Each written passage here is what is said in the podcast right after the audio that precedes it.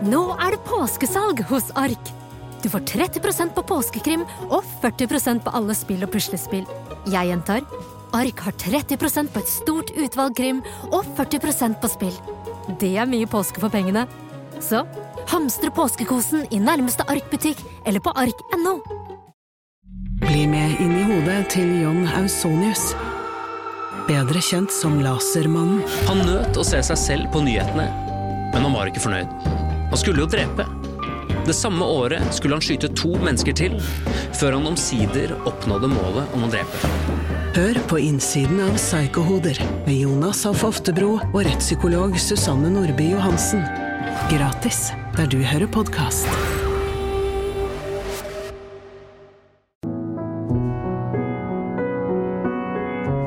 Da setter vi i gang. Ja. Hjertelig velkommen til sesong to av Bryter ned fasaden. Vi kickstarter andre sesong, premiereepisoden med hele Norges Lilly Bendris. Hjertelig velkommen. Takk. Det var noe voldsomt til en introduksjon, ja. da. Lilly og jeg har jo blitt eh, kjent med hverandre gjennom serien vi er med i nå, som heter Spøkelsesjegerne, som går på Discovery Pluss og TV Norge. Ja, det er veldig, veldig spennende. Eh, og det er jo litt eh, interessant også da, Lilly, fordi eh, dette er jo en historie jeg har fortalt til deg.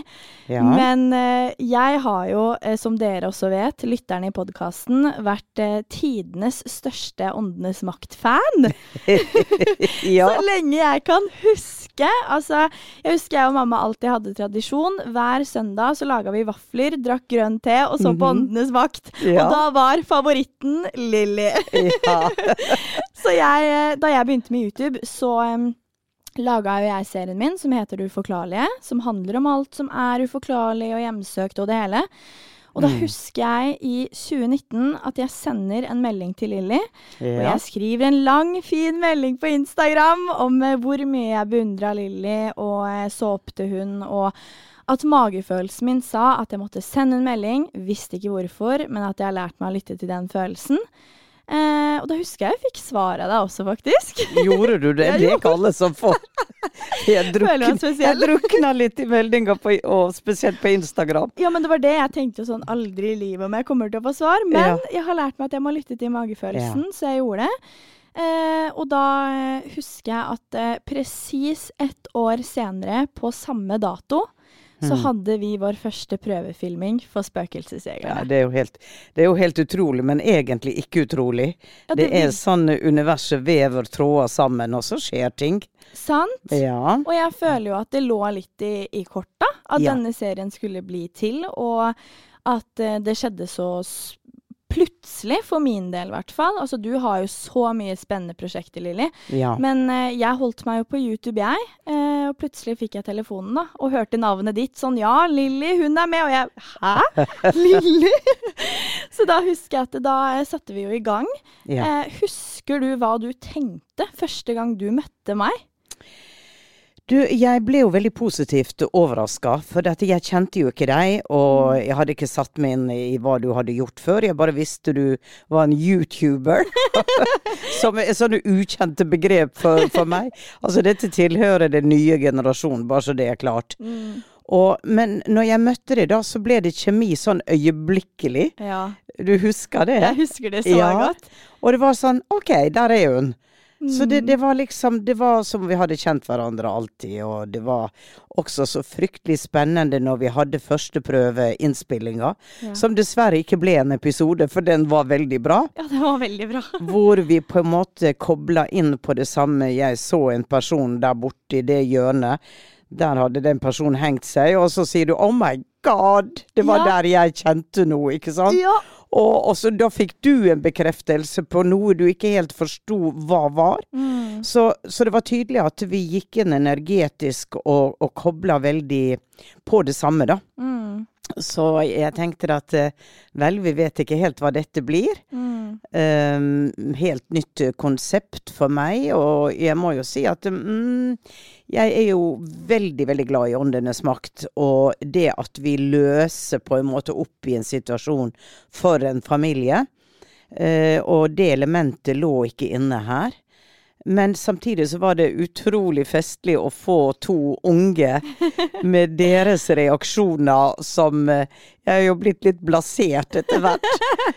Og, og da å se på, på festlige deg, Victoria, som da bare med øynene vidt oppsperra det, det har vært veldig fornøyelig å, å være med. Ja, det har vært veldig, veldig gøy. Og eh, det har jo vært et skikkelig eventyr. Fordi som sagt, jeg har jo alltid på en måte eh, sittet med meg og mitt på YouTube. Jeg har aldri hatt noen som kan bekrefte hva jeg føler. Mm. Og jeg har jo alltid følt meg som en veldig åpen person, men kun, Ja. kun tenkt det for meg selv, på en måte. Ja. Men da var det, som du sa, da, veldig gøy med denne Altså både vår kjemi, at det føltes ut som vi alltid hadde kjent hverandre, Mm. eh, men også på en måte se Altså sånn, når jeg følte så sterkt på noe Lilly var i et helt annet rom og ante ikke hva jeg holdt på med på denne prøvefilmingen.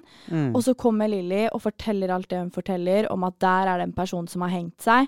Og da freaker jo jeg helt ut, som yeah. har opplevd det samme. yeah. Eh, og følt på det, da. Så det har vært veldig spennende å jobbe sammen sånn sett også. Og Mm. på en måte få At jeg har fått bekrefta hva jeg har følt på, og Nei, det har vært så, så spennende. ja. Eh, så Spøkelsesjegerne har virkelig vært et, eh, et eventyr som jeg håper at eh, fortsetter. Ja, vi Ja. får eh, krysse fingre nå, Victoria. Vi, vi får det. Mm. Men eh, Lilly, eh, jeg har jo spurt følgerne mine om de har spørsmål til deg, og det Mhm. har det kommet inn mange av. Okay. Og et av disse spørsmålene er jo hvordan ser en typisk dag ut for Lilly Bendriss? Oi. Ja, det var det jeg òg tenkte nå. Oi. Oi, oi. Ja. Ja, vet du hva? Altså, en typisk dag starter klokka åtte hos meg. Da ringer vekkerklokka. Og da må jeg opp, eller så bare snur jeg ryggen til, og så tar det en halvtime til på øyet. Men da må jeg ha veldig god tid på morgenen. For hvis, hvis det er for stressende da, så da setter jeg på TV og ser på litt på, um, på frokost-TV, eller God morgen-TV, og så tar jeg Alle vet jo at jeg sminker meg, så på badet er det et lite ritual hvor med dusjing og med sminking og litt musikk, og, da, og det er nesten som en meditasjon. Ja. Og jeg har jo ikke barn, jeg er alene hjemme, ikke sant, så jeg kan jo bare. Så jeg starter aldri med noe jobb før klokka ti. Nei, du tar skikkelig deg-tid. Jeg tar meg tid mellom åtte og ti. Ja, og? Og tar en liten kaffe, et lite smørbrød. Skal slutte å spise brød, men altså det der er fryktelig vanskelig. Så gammel vane vond. Så jeg er veldig flink til å lage gulrotjuice, da. Ja, men oi. så har jo jeg i alle år tatt klienter. Ja. Og så kom det til et punkt her at det, det var Tida strakk ikke til. Jeg Mm. måtte gi slipp på noe. Og så tenker man det, Victoria, etter 30 år i gamet, at jeg har sittet der fra, for personlig um, Altså personer som har kommet til meg én og én. Mm. Og så kom jeg frem til det at jeg føler at det budskapet jeg har, må komme ut til flere. Ja. Så da ble valget på å lage podkast. Først Ånden, nei, Ånd og vitenskap med Mhm. Camillo Løken. Som, for jeg fikk så fryktelig mange spørsmål. Ja. Om det åndelige, og hvordan er det der, og hvordan, hvordan, hvordan. Så vi laga da en, en podkastserie, Ånd og vitenskap, hvor Camillo på en måte ser på den vitenskapelige forståelsen av ting, Mm. og hva som er forska på, og jeg bringer mine historier inn. Og den har jo vært ve blitt veldig populær. Mm. Uh, og så forsto jeg det at det, Nei, det, det må det, det der Det må begynne å gå i den retninga. Mm. Så er jo det en gratis uh, podkast, og man kan ikke bare jobbe gratis for det er mye arbeid, det vet jo du. Ja. Så vi laga en medlemsportal som ja. folk da kunne gå inn og få litt mer. Og så kom Podimo med uforklarlige historier. Mm. Så har det blitt en grei. Og så er det andre TV-program Mm. jeg eh, er i. Og det, du vet jo hvordan det er, det er intervju her og der, og ja. man må stille opp på mye bak kulissene. Mm. Så det er mer på en måte arbeid da, når du er med på noe og du blir ja, i rampelyset, da. Så Ja. krever det også Og det er ikke alle som forstår, Victoria. Nei, absolutt ikke. Det er alt gratisarbeidet vi gjør for det. å på en måte støtte opp under det arbeidet vi gjør, da. Mm. Så, eh, så nå er det to Så er det en programserie med prinsesse Märtha Ja. og en som heter Mari. Mm. Som hvor vi skal eh, titte på dette med kjærlighet. Hvor Ja, er kjærligheten i verden? Så det er et prosjekt som, eh, som kommer eh, Skal vi vel begynne første arbeidet med i juni neste år. Mm. Og så vil jo jeg dra på cruise, og så vil jo jeg ha fri, og jeg har lyst til Karibien, og jeg har lyst til ditt og datt, og ned i sola. Så jeg tenker at det, det er veldig synd at ikke det er tre stykker av meg. Ja, men vet du hva? Altså, jeg kan si så mye som at jeg kjenner ingen i hele denne verden som jobber mer enn Lilly, og får til alt det du får til. Fordi jeg føler at du er eh, Samtidig som du eh, jobber helt ekstremt mye, så føler jeg at du også er veldig flink til å balansere og ha denne hyggetiden, da, hvor du Ja. er med venner, og hvor du på en måte får gjort alt det du er glad i. da. Hvordan klarer du å balansere det og få til alt det du får til? Jeg blir helt eh, imponert. Eh, God trening. jeg er vestlending, vet du. så, det, så der jobber vi 24-7. Nei, det er noe med Hemmeligheten ligger i at jeg sover veldig godt på Ja. natta. Mm. Og jeg sitter jo på og ser på Jeg må jo bare innrømme det, det er jo Netflix som jeg ser Du går i Netflix, Ja, ja. jeg på en, nå er jeg på denne Gåsmammaen, Oh, ja! og du vet at jeg klarer jo ikke å stoppe. Blir helt hekta. Jeg blir helt hekta, så klokka er da to, halv tre, og oh my god, nå må jeg bare legge meg. Så, men, eh, men jeg sover godt, og Mm. jeg er flink til å la alt skure hvis jeg kjenner det jeg må ha timeout. Mm. I dag gjør jeg ingenting. Jeg tar ikke telefonen, jeg gjør ingenting. Nei. Så man henter seg inn igjen, og så føler jeg også at det er den kontakten som jeg har med det åndelige. Eh, Det, jeg får påfyll av energi. Det er akkurat som det er noen som sier at ok, nå trenger Lilly litt mer. Mm. Så må man ta litt massasje, man får litt healing, litt akupunktur. Jeg er veldig flink til å ta vare på meg selv. Ja. Så jeg tror at det er balansen. Ja. Å, å gjøre de tinga. For ellers hadde det nok uh, rakna. ja, ikke sant. Ja.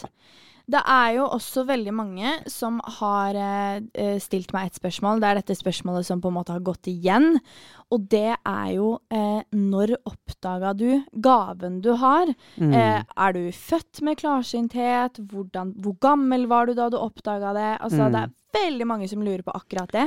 Ja, jeg um Jeg visste jo veldig tidlig at jeg var sensitiv. At jeg Ja. fanga opp ting. At ehm, jeg tok inn andres følelser. At jeg drømte om ting som skjedde. Bestemor var klarsynt, Ja. men snakka ikke om det, for hun var veldig religiøs. Og det var liksom ikke innafor, så hun holdt det veldig tett til brystet. Um, men for meg var det liksom Å ja, ja, hun ser jo det. Men jeg gjorde ikke noe ut av det, og det var ikke en del av livet mitt. Mm. Så eh, først når jeg var 42 år og hadde møtt veggen, Mm. utslitt, og arbeidet har jeg gjort hele livet, um, hvor jeg satte meg ned og tenkte at livet må være noe mer enn dette. Hva Mm. er livet egentlig? Og når vi dør, altså de store spørsmålene har begynt å krype på. Mm. Og jeg følte en veldig tomhet eh, i livet mitt, selv om utvendig alt så veldig fantastisk ut. Mm. Så jeg fikk eh, celleforandring under underlivet, og begynte å gå til en akupunktør. Jeg hadde aldri meditert, jeg, hadde, jeg var ikke inne i denne verdenen i det hele tatt. Men denne akupunktøren så første gang jeg lå på benken, så så han over eh, over eh, mellomgulvet, eller navleområdet, da. Så ser han en spiral av røyk som stiger opp. Oi.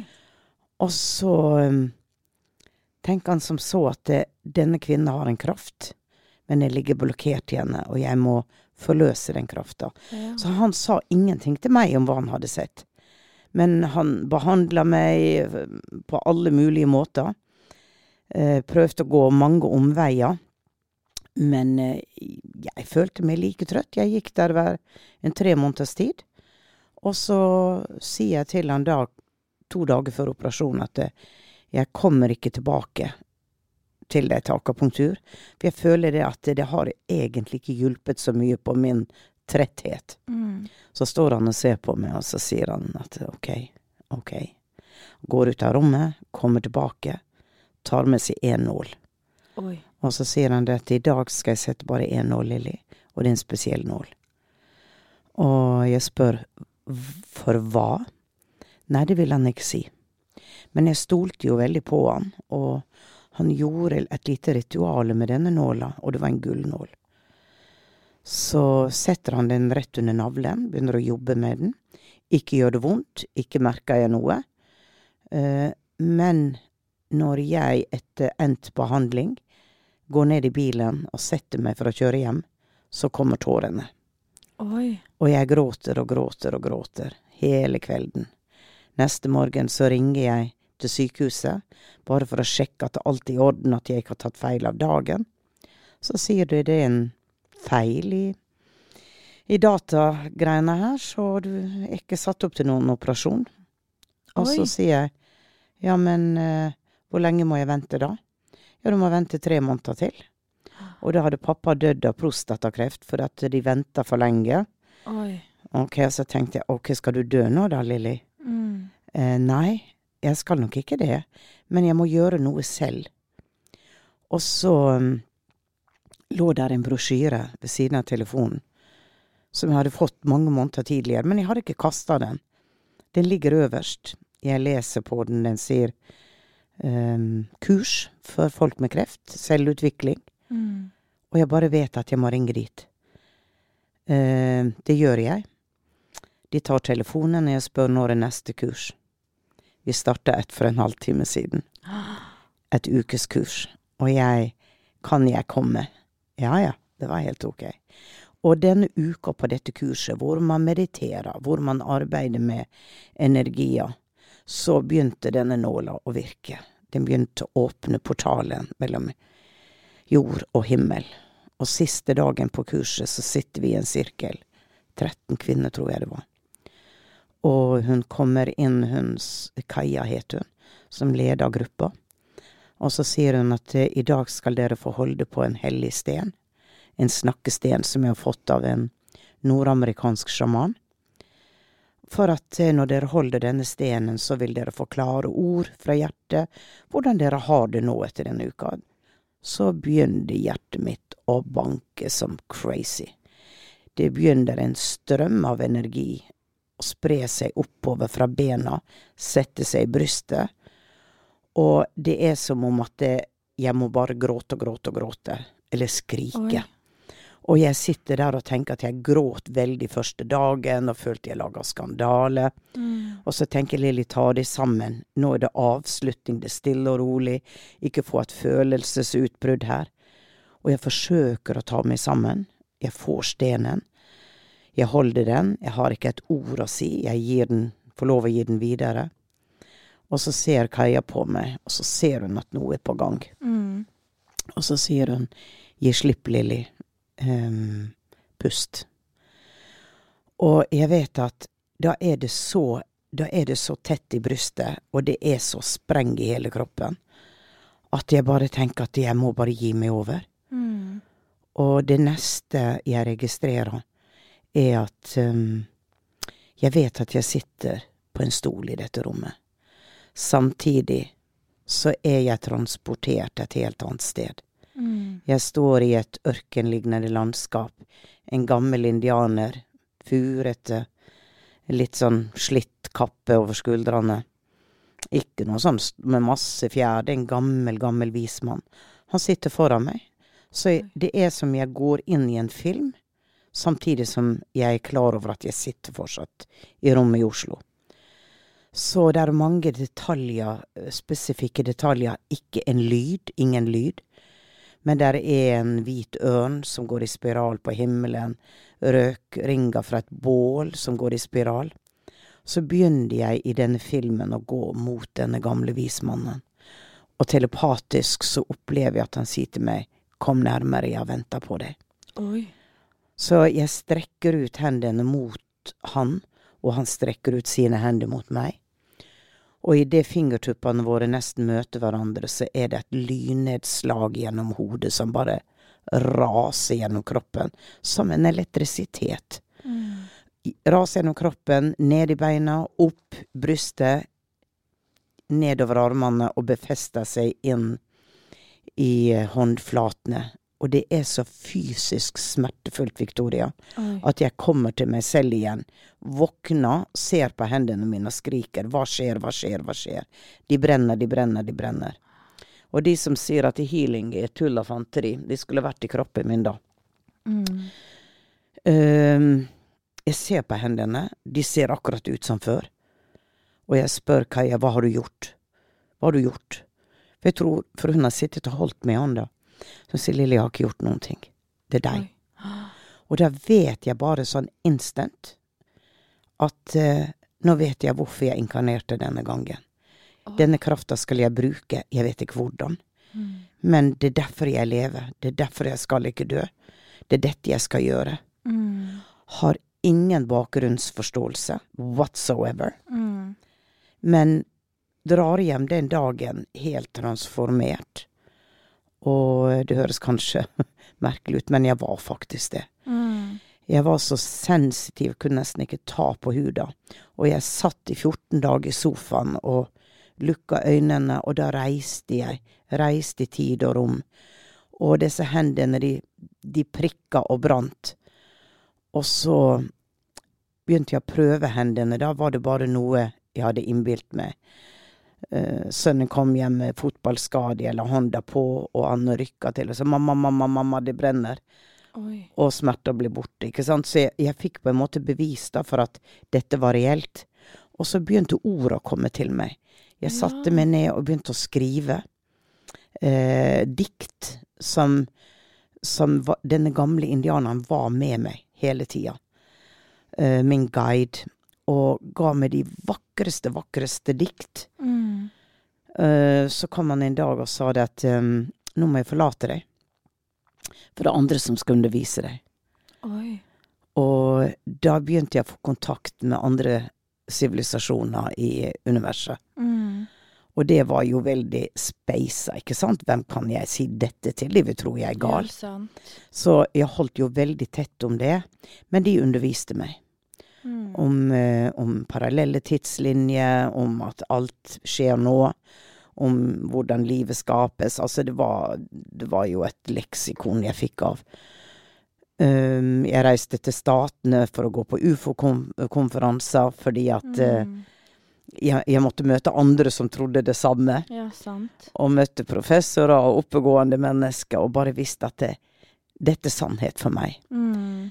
Og så begynte jeg å kanalisere med stemme, hvor jeg gikk Ja. i transe. Og denne gamle indianeren kom gjennom med en gammel, skjelvende stemme. Og kom med utallige sånne visdomsråd.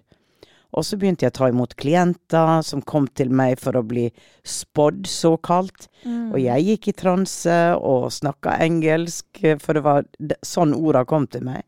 Så det har vært en utvikling, kan du si, på mange plan, da. Mm. Og så ringte de fra TV ja, om jeg ville være med på noe som het Fornemmelse for mord.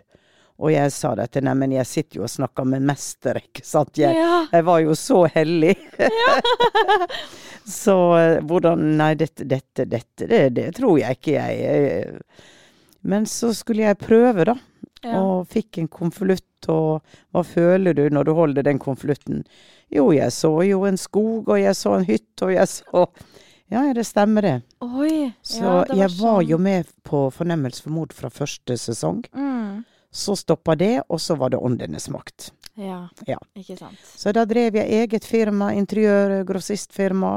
Var daglig leder, og jeg måtte ta et valg. Mm. Hva skal jeg gjøre? Nei, noen andre må drive firma, og så må jeg gjøre dette.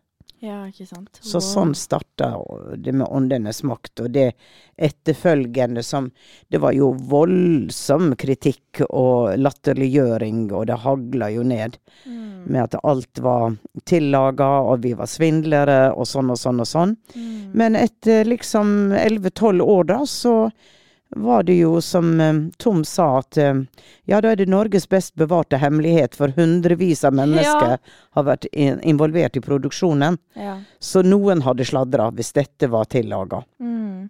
Og på samme med Spøkelsesjegerne så er det ikke tillaga på annen måte enn at vi vet veldig mye av historien på forhånd. Ja. For eh, Åndenes makt der var de jo hysteriske på at vi ikke skulle ha noe informasjon. Mm. Men det interessante, Victoria, var jo at når vi kom til et sted som var kjent for å ha det og det spøkelset, så ser jo jeg noe helt annet. Ja, ja, ja. Og det er jo interessant, fordi det er flere steder vi har vært på i Spøkelsesjegerne hvor, ja, som Lilly sier, vi vet en del av informasjonen, men det er også mange ganger hvor jeg har fått beskjed av produksjonen sånn OK, nå vet vi dette, ikke si det til Lilly, da, da, da, da. Mm. Hvor uh, Lilly for det første har fått opp det jeg eh, på en måte hemmeligholder og ikke skal Mm. si til Lilly. Men det har også vært ganger hvor vi, som Lilly sier, hvor hun har fått opp noe helt annet. Hvor denne informanten som vi alltid prater med, da, Mm. eh, står bak, eh, har stått bak kamera og kommer til meg etterpå og sier sånn det er, det er helt vilt det hun sier, fordi at det er historie langt, langt, langt tilbake. Men det er ikke den offentlig kjente historien. Nei. Men at Lilly får opp det her, er helt utrolig, fordi det, det er ikke mulig å finne noe sted. Ja. Eh, så jeg husker spesielt hun ene informanten var hvit i ansiktet, altså. Hun var helt eh, Det var på Elin gård. Å ja. For da fikk Ja. du opp sånne ekstremt spesifikke detaljer om ja. Jeg husker ikke hva det var du fikk opp, og jeg tror dessverre ikke det er tatt med i episoden heller. Nei. Men du får opp noen sånne der verktøy, pendel, et eller annet sånne greier. ja. Eh, og da sier hun bare til meg at jeg skjønner jeg, Nå er jeg blown away, på en måte. Fordi dette er så spesifikke detaljer som Ja. ikke er mulig å finne noe sted, men som jeg som historiker da selvfølgelig vet om fra langt, langt tilbake. Men det er aldri noe vi snakker om til noen. Nei. Riktig, ja, riktig. Så det har jo vært eh, Ja, det er litt gøy, da. Ja, det er Ja. veldig, veldig gøy. Så det har eh, vært så interessant. Og det har også vært interessant på en måte alt det vi har opplevd sånn, ikke bare på kamera, men Nei. også før og etter innspillingene. Mm. Eh, fordi jeg husker spesielt det ene stedet. Det er en episode som enda ikke har blitt vist. Hvor bare hele dagen var et kaos for oss alle. Husker Ja. du det? Ja. Hvor det var Det virka som at det Oi. var noe som ikke ville at vi skulle på den innspillingen. Ja. Eh, jeg husker at det hele natta og morgenen så hadde jeg blødd neseblod. Og så husker jeg jeg kommer og drar den, den spøken sånn Ha-ha, håper ikke jeg begynner å blø neseblod på kamera, da, fordi jeg har gjort det hele natt.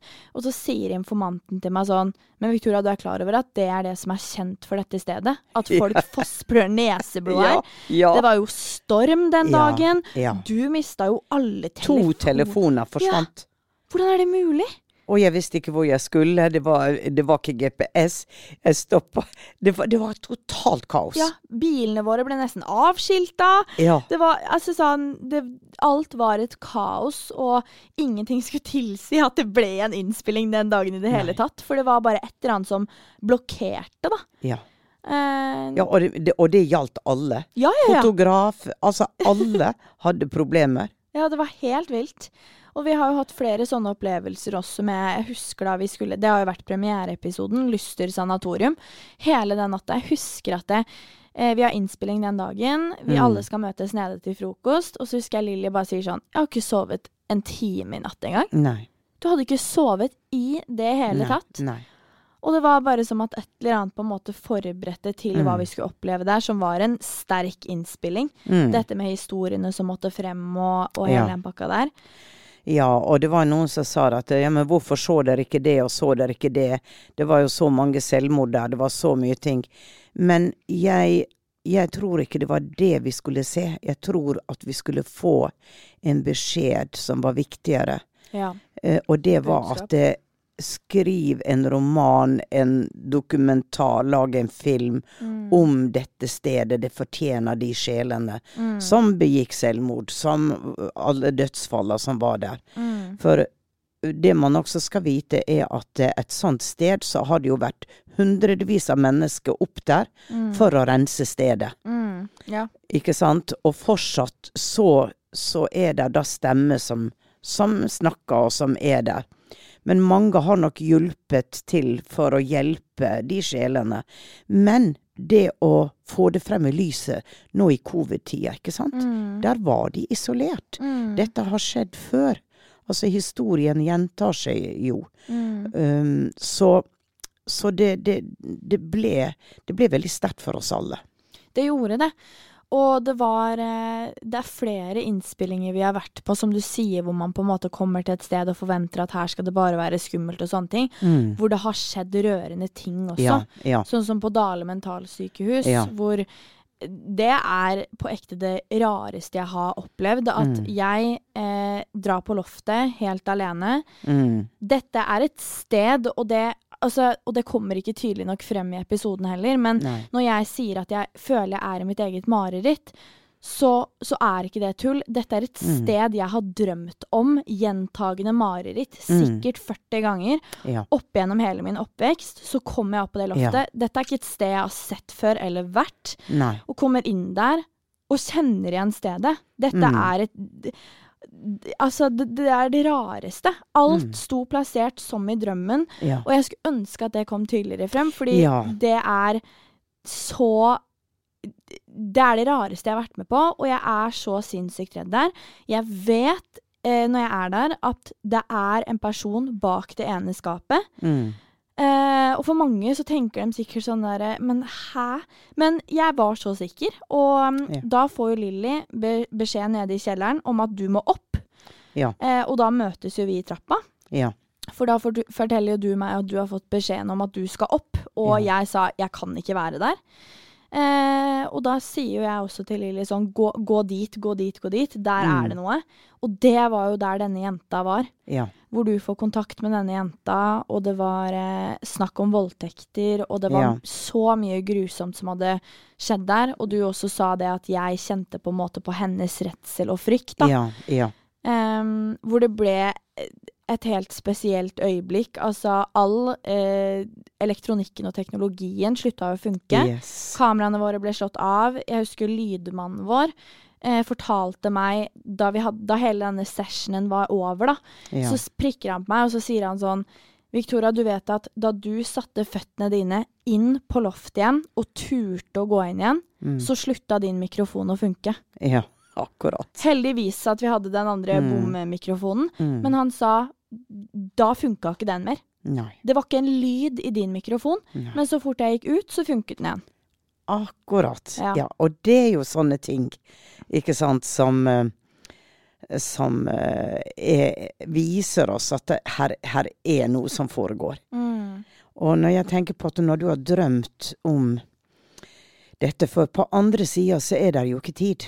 Nei, ikke sant? Og vi kobler oss på, så noe som du skal gjøre fremover i tid, Mm. kan du ha kobla deg på mange år før. Ja. For den som visste du skulle komme, for det vi gjorde her var litt unikt. Mm. For vi frigjorde denne pika. Ja. Det gjorde vi. Ja. Mm. Så på et eller annet plan så har hun kobla seg på deg kanskje mange år før. Mm. For hun vet at du kommer, og du skal hjelpe meg Mm. å bli fri. Det, det, så det er så mange sånne ting som, eh, som er vanskelig for folk, og de sier ja, på tull og tøys. Men Mm. vi har opplevd det så mange ganger Mm. eh, at eh, vi vet at det her er noen planer, er noen tråder som connecter, Ja. uavhengig av tid. Ja, og det er det jeg syns er så interessant. Og det er jo som vi eh, Jeg har jo gjestet i podkasten til deg og Camillo som heter Mhm. Ånd og vitenskap. Den må dere sjekke ut. Og da prata vi mye om dette med drømmer. Ja. Det å samdrømme og sånne ting. Og da fortalte jo jeg Og det er jo noe Jeg og Lilly har jo hatt de mest spennende samtaler eh, gjennom hele på en måte Spøkelsesjegerne-opptaket. Eh, og da har vi prata mye om dette med drømmer. Mm. Fordi at jeg har Og det er, det er da det er interessant det du sier med tid. At det er Ja. sånn Du kan bli forberedt på noe. Ja. Folk du ikke Eller altså fra den andre siden da kan ta kontakt med deg uten at du er klar over det. Ja. Fordi jeg har opplevd så mye opp gjennom hele mitt liv at jeg sanndrømmer og vet ting før de skjer. Mm. Og jeg kan ikke forklare det, eh, men det er derfor det har vært veldig deilig å bli kjent med Lilly, som har på en måte gjort meg roligere og på en måte satt litt ord på det jeg har følt hele veien, men ikke Mm. For man er jo sånn Hvorfor skjer dette med meg, på en måte? Ja. ja. Um, men jeg syns jo det er veldig interessant dette med drømmer. Ehm, for som du også sa, at før du ble åpna, Mm. uh, så var jo på en måte det du hadde merka det på. Du hadde vært sensitiv og merka det gjennom mye drømming og sånn. ja. Ja. Um, så det er jo veldig interessant. Men uh, spørsmålet er jo om du noen gang har vært redd. Altså det her er jo det du lever av og jobber med. Mm. Men har du vært redd på noe punkt? Altså har du fått kontakt med noe som ikke er bra? Uh, du er jo veldig flink til å lukke trekke deg når du ikke er på en måte på Ja, jobb. Ja. Men har du på en måte, har noen tatt kontakt med deg når du egentlig er lokka, og plutselig får du en sånn oi, Eh, du kan si det at eh, jeg sier jo på en måte nesten hver dag og hver kveld at jeg er guddommelig beskytta. ja. Og hvis dere først har åpna meg for å gjøre denne jobben, så får dere også ta vare på meg og beskytte meg. Mm. Så det er veldig sjelden. Men på Elin gård, da sto jeg overfor noe som jeg bare visste at dette må jeg Dette må jeg fjerne meg fra. Mm. Uh, så der Dette med demoner og dette her det, det, Ja. Her er krefter som uh, ikke er så bra.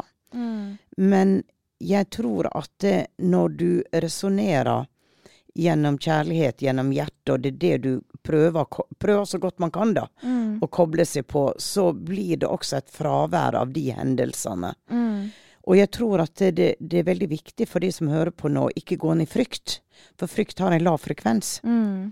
Og for de 99 så er det noen som kanskje forsøker å få tak i deg, for de vil ha hjelp. Mm. Ikke for å skade deg eller gjøre vondt. Mm. Og, så, og med den forståelsen, selv om jeg kan oppleve nærvær og sånn, så tenker jeg at eh, ok, da er det noen som vil meg noe her. Og jeg har tatt med meg hjem fra innspilling. Ja. Eh, det gjorde jeg fra Fredrikstad fengsel. Fredrikstad fengsel. Da tok jeg med meg noe hjem. Men det er gøy at du sier, fordi jeg er veldig Altså sånn, jeg blir veldig redd på flere av innspillingene vi har vært, så har jeg blitt veldig redd. Men når vi på en måte er ferdig på innspilling, så er jeg ferdig på innspilling. Da Ja. er jeg sånn OK, nå har vi vært der, dra hjem og på en måte legger det litt bak meg. Ja. Men også fra Fredrikstad fengsel, så var det den eneste Mm. natta jeg har sovet med alt lys i leiligheten Mm, på og vært mm. redd når jeg Ja. har kommet hjem. Ja. Og det, der var noe der eh, Mm. som, eh, som eh, hang seg på. Eh, men eh, Og jeg oppdaga det ved at jeg hadde lagt meg. Mm. Og jeg har alltid døra til soverommet lukka, for hvis den står litt på glip, så, så, kan, så kan den stå og knirke litt. Mm. Uh, så den var lukka. Ingen vinduer var åpne. Ikke gjennomtrekk. Så åpna døra seg innover og smeller igjen. Med et så høyt smell at jeg hoppa i senga, for jeg hadde ikke sovna. Mm.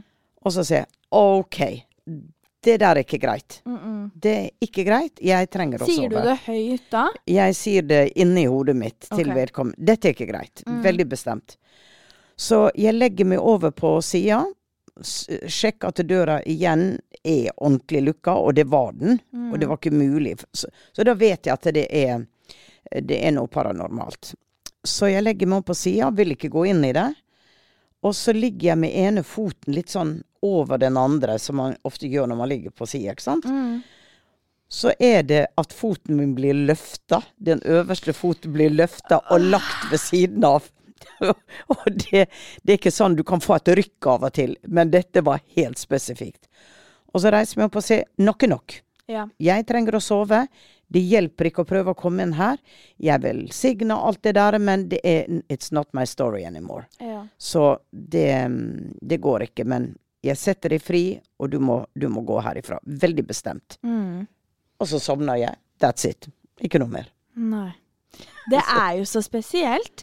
Jeg har jo, jeg skal ta og se her, for jeg har fått inn mange spørsmål. Og det er jo morsomt det du akkurat sa, for da ble jo på en måte et spørsmål besvart. Fordi det er jo noen som har lurt på ehm, Skal vi se her Om du noen ganger føler på dårlige energier i eget hjem. Ikke i eget hjem. Nei, for du er, du er jo veldig flink også, da, Ja. til å Ja. For hos meg så er det, det er akkurat som at når jeg sitter og mediterer, så er det en renselse både av meg og av hjemmet mitt. Så, men de som Jeg får jo masse e-mailer og, og ting uh, av at det er uro i eget hjem. Mm. Og da er det jeg sier at hva er din fantasi? Mm. Fordi du kan hype deg selv opp. Ja. Du hører noe, og hvis du da blir redd og hyper deg opp, ikke sant, så oh my god, oh my god, eh, nå er det kanskje noe her, og sånn og sånn, så inviterer du det inn. ja, ikke sant. Det er det jeg Så også har hørt. Så ikke gi det oppmerksomhet. Ikke gi det oppmerksomhet, og bare være veldig klar og si at eh, mitt hjem er mitt hjem. Jeg bestemmer hvem jeg inviterer inn. Jeg sitter sterk i meg selv, og dette hjemmet er beskytta fra inntrengen. Mm. Og det bruker å kunne være greit. Du skal passe på å være sterk i deg selv, og vite hvem du selv er. For sklir du ut i eh, at eh, du er veldig sånn 'Å, jeg vet ikke', og 'Ja, kanskje det er bra, kanskje det er bra, kanskje det er feil', kanskje sånn. Så er det lettere for at du trekker til deg da en uroenergi. Mm. Så for meg, mediter. Styrk ditt selvverd. Mm. Og stå opp for den du er. Vær bestemt. For det gjelder også i livet. Ikke, bare, ikke bare energier. Det er mennesket, det er alt i livet. Så sett deg ned og tenk på hvem slipper jeg inn i livet mitt som egentlig ikke burde være der, av fysiske mennesker. Er jeg flink nok til å gi beskjed når det er noe jeg ikke vil? Eller sier jeg ja når jeg vet jeg skulle sagt nei? Så det er noe med hvem er du, og hva vil du at livet ditt skal være? Og hvor sterk er du til å stå på kravene dine? Ja. Uten å bare være egoistisk og si meg, meg, meg. Av og til må du si ja når du ikke vil. Ja. Men det er noe med, med oss selv som mennesker, Ja. tenker jeg.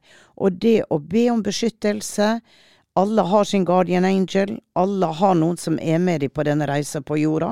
Og selv om du ikke får et navn og ikke vet det, så sier det at to my guardian angel, to the spirit being that is blessing me with light, protect me, help me. Uh, og det går an. Og det er jo som de religiøse ber ikke sant, til Jesus, så føler de seg rolige etterpå. De føler det at det der er noen som beskytter det. Spiller ingen rolle hva religion du har når du ikke har en religion. Alle så har vi med oss en light being. Mm. Det er en kontrakt man gjør før man blir født, og at man også skal bruke de. Og man kan bruke et kraftdyr, som indianerne gjør. Ja. Finne kraftdyret ditt, eh, dra på en sjamanreise, og, og styrke deg selv. Mm. Ja, nei, det, det er så spennende, og det er, eh, og det er jo mye av det her folk har lurt på også. Folk ønsker, det er flere som ønsker å bli mer spirituelle. Folk er usikre på OK, jeg trenger veiledning i livet, Ja. hva ber man til? Ja. Jeg, er jo vel, jeg ber jo alltid til universet. Ja. Eh, det er på en måte det jeg gjør når jeg står fast med ting, syns ting er vanskelig. Også veldig flink til å sette ned foten og si fra om jeg merker ube ubehag rundt Ja. meg. Ja. Eh, og det, det som er så rart, er at når jeg da For, for jeg merker veldig fort eh, når det er noe rundt meg fra Mm. den ikke-fysiske verden som Ja. ikke skal være der.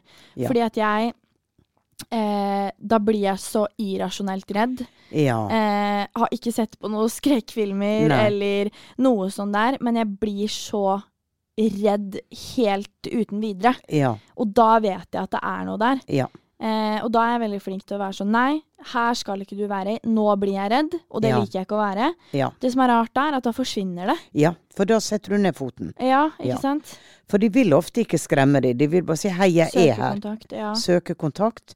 Og man har mye lys i sin aura.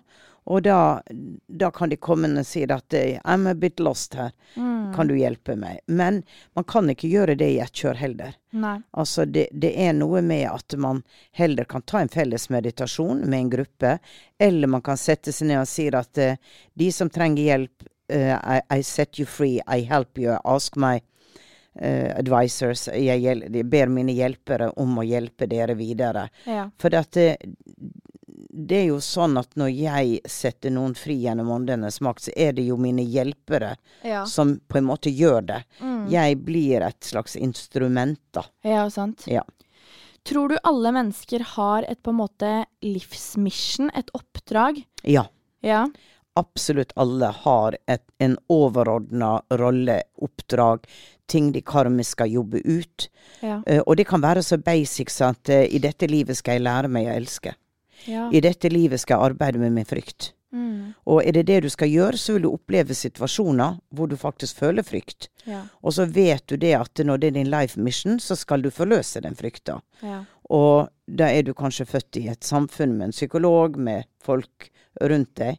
Så selv når du opplever ubehagelige ting, livet går deg imot, så hvis du tenker at jeg har kreert dette for å forløse det, Mm. for å for å ta i itu med det, istedenfor å si 'jeg er et hjelpeløst offer', Mm. dette skjer meg, og det er ikke noe jeg kan gjøre, så tenk heller at det, dette har jeg på en måte invitert inn i mitt liv, fordi at eh, jeg skal jeg har tatt på meg den oppgaven å gjøre det. Mm. Men det kan være så enkle ting. I dette livet skal jeg være en god mor.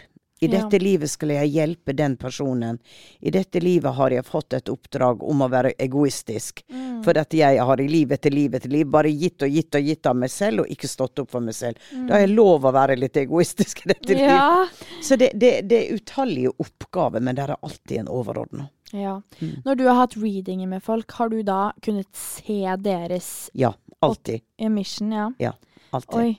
Men hvordan, hvordan syns du det er å på en måte lese andre når du på en måte har eh, hatt disse readingene? Altså sånn, fordi at det er jo mange som er sånn, og det er jo så gøy, fordi jeg kjenner flere selv som har vært sånn eh, kommet til meg og snakka om spøkelsesjegerne, snakka om deg og sånne ting. Og vært Mm. sånn eh, Blant annet eh, kjenner en som har veldig flyskrekk, men fortalte at du hadde sittet på samme fly. Ja, ja. Og da hadde hun følt seg trygg Ja. på kun den ene flyturen. For da var hun sånn OK, Lilly er her, da er jeg safe. Ja, ja, ikke sant? Ja. Og mange er jo veldig sånn eh, og fordi at det er jo det, ikke sant. Eh, folk tror jo at du er åpen hele tiden. ja. Og så fort du møter dem sånn OK, nå leser hun alt om Ja. meg, når jeg skal dø, når Ja. jeg skal Ja, ja. Altså, nei, men det er jo ikke sånn det funker heller. Det er den største misforståelsen. Ikke sant? Man er jo ikke det. Nei. Um, og det er så artig, for jeg har vært med på en del sånne moroprogram. Ja. Og blant annet uh, på et hvor de kom i begynnelsen av programmet, en sånn gjettekonkurranse. Så man måtte svare veldig fort. At ja, men det er litt urettferdig, for du vet jo alt. Og så sier jeg jeg skal bevise nå at det er en bakdel. Det er en bakdel å være klarsynt. ja. Fordi at eh, sånn som det funker for meg, da, så må jeg sette meg i en slags meditativ tilstand. Ja. Uh, gå inn et helt annen setting i hodet mitt. Mm. Trenger ro, ikke noe bråk rundt meg. Og hvor jeg kobler meg på, som jeg sier. Og det gjør du jo ikke når du går ute, da kunne jeg jo ikke fungere. Nei, ikke Så det er jeg helt avstengt. Ja, ikke sant. Ja da, jeg kan komme inn i et rom og kjenne en stemning. Oi, bo, her er det ikke bra å være. Her vil jeg mm, mm, mm, Går ikke inn her. Mm. Um, og, og jeg kan kjenne også et ubehag hvis det står et menneske foran meg som jeg kjenner er veldig aggressivt. Ja. Da er det vanskelig å beskytte seg mot det. Mm. Men jeg leser jo ikke personen. Nei. Så alle kan stå veldig trygt ved siden av meg, både på bussen og i taxikø og hele pakka. Det er det. Ja. Er det noen ganger du får opp eh, sånn selv når du på en måte eh, ikke er på jobb og du er avsperra, på en måte, er det noen ganger du kan møte et menneske og bare plutselig få en beskjed, eller få Nei, sånn aldri. Nei. Jeg tillater ikke det. Nei. Uh, det er kun når folk kommer til meg og spør Mm. at jeg åpner opp. Ja. Og det er, det er vidt forskjellig. Altså, jeg vet Lena kan føle at hun må gi, gi en beskjed til noen og gå bort til noen, Mm. som er veldig viktig. Og, men jeg er ikke der. Det er ikke, det er ikke sånn jeg jobber. Mm. Mange lurer jo på dette med sjelevenner og tvillingsjeler. Kjærlighet er jo så stort. Jeg Mm. Ja. har jo til og med sittet til Lilly sånn Kommer jeg til å dø alene? ja, ikke sant? Men folk er jo veldig nysgjerrig på dette med liksom på en måte kjærlighet, og der er det jo sikkert også et mission at du møter på de samme oppgavene flere ganger. Har du Ja. f.eks. vært i mange dårlige forhold, da, noe jeg inkludert har vært, Ja. um, at man, det er noe man skal lære før man på en måte eventuelt møter denne sjelevennen, Ja. da. ja. Og tror du på at det finnes på en måte én Er det én sjelevenn? Er det flere sjelevenner eh, til én person? Jeg har ikke satt meg inn all verdens i dette, men det jeg på en måte har fått beskjed om da, er at du kan ha mange tvillingsjeler. Mm. Mange deg som inkarnerer samtidig. Ja. Og da er du fra samme sjelsgruppe. ja. Fordi at sjela har i seg element av eh, millioner av sjelspartikler som blir satt sammen til personer og blir sendt ut i tid og rom for å erfare livet. Mm. Og når du møter Jeg vet, jeg har møtt i hvert fall tre tvillingsjeler. Det betyr ikke det at Jeg husker når jeg møtte den ene, så virka det som en forelskelse. Oi. Men samtidig så visste jeg at det, det, er ikke, det er ikke en person jeg skal gifte meg med. Nei. Men vi ble bare sjelevenner. Mm. Og var veldig viktige i hverandres liv. Mm. Og kan ringe når som helst. Og det, det er bare sånn Du er en annen del av meg. Du valgte å gjøre det, jeg valgte å gjøre det. Så fantastisk at du gjorde det, for det gadd ikke jeg å gjøre. Ja. Så, men, men den ene utvalgte rette tror jeg mesteparten av tida du er den ene som splitter seg i to. Mm. Den ene er, mener jeg, 90% på andre sida, og tar imot det når du kommer tilbake. Ja. Mens innimellom så inkarnerer man samtidig fordi at man skal gjøre en oppgave sammen. Mm. Fordi at når man, de to da kobler seg sammen som et par, Mm. så blir de så enormt kraftfulle og lysende Mm. at de sprer noe av enhet til andre par som sliter. Ja. For vi vet at alt energi, og du, det sprer seg som ringer i vannet. Mm. Og, og sånne par blir også veldig da ofte kjent for å være akkurat det paret. Mm. At det, ja, de to har gjort ja. noe for verden, ikke sant? Du har Napoleon og Josefine. Ja. Du har eh, I historien er det flere sånne couples. Men jeg tror at eh, vi i vår romantiske grei, så, så har vi veldig lett når vi møter noen som treffer akkurat den, så er det ikke nødvendigvis vår andre halvdel.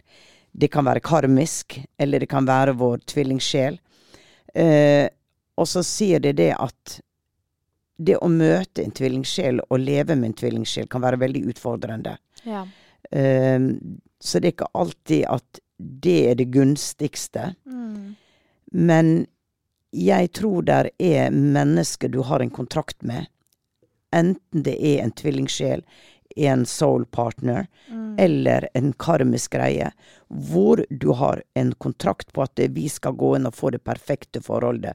For nå har vi levd sammen i uenighet, i utfordringer, vi har klart det nå. Nå får vi gaver av å få et perfect relationship. Oi. Og når du møter da den personen, så ser du på den og sier ja, men der er du.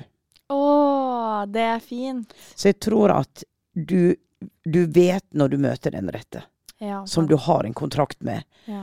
Og det er viktigere for meg, eller om det er en twin soul, eller whatever. ja, sant. Fordi at det, du har erfaring med den personen, og nå, nå skal du Begge to skal bli berika Mm. av en um, Min mamma og pappa, de visste når de traff hverandre. Ja. De levde sammen til pappa døde. Mamma gifta seg aldri igjen. Hun bare venta på pappa at hun skal reise Å.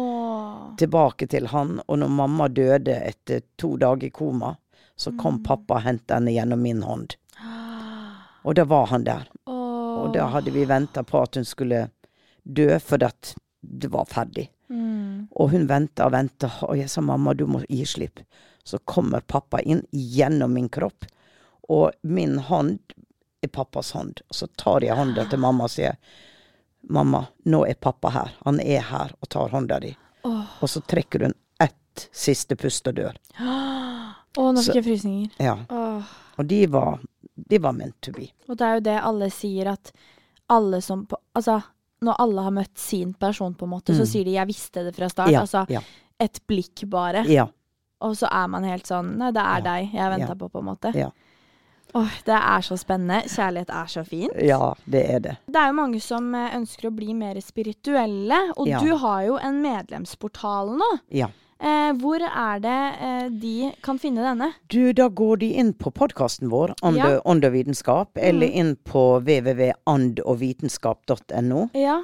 Og der ligger alle opplysninger for det. Mm. Og det er 199 kroner måneden, mm. hvor de da får undervisning, hvor det er en egen Facebook-gruppe, Mm. Hvor de kan snakke med andre og møte andre på Facebook-gruppa, eller kanskje også si at eh, vi er en klikk her, kan vi møtes en gang i måneden Mm. til en diskusjonskveld en, eh, hvor vi tar opp visse tema. For det er en community. Det er det. Det er så mange som sitter alene og ikke riktig vet hvor de skal henvende seg. Ikke sant, det er jo det. Ja.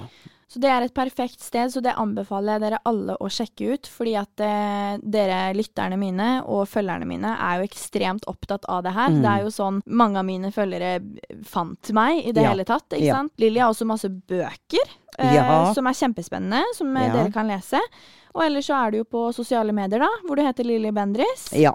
Det er rett og slett Jeg bruker navnet mitt. Mm. Ikke noe hokus pokus. Instagram og Og så kan dere jo se oss i Spøkelsesjegerne. Eh, masse spennende episoder, både på Discovery Pluss og TV Norge. Eh, og så er det jo bare å si tusen takk til deg, Lilly, for at du kom i dag for en veldig spennende samtale. Ja, Ja, dette var en fin samtale, syns jeg. Ja, det veldig blir hyggelig å være her. ja så Ja. Det blir flere, Ja, for å si det ja. sånn. Ja, ja, det gjør nok det. Så da snakkes vi i neste episode. Takk til alle som har lyttet, og dere får ha en fin dag videre.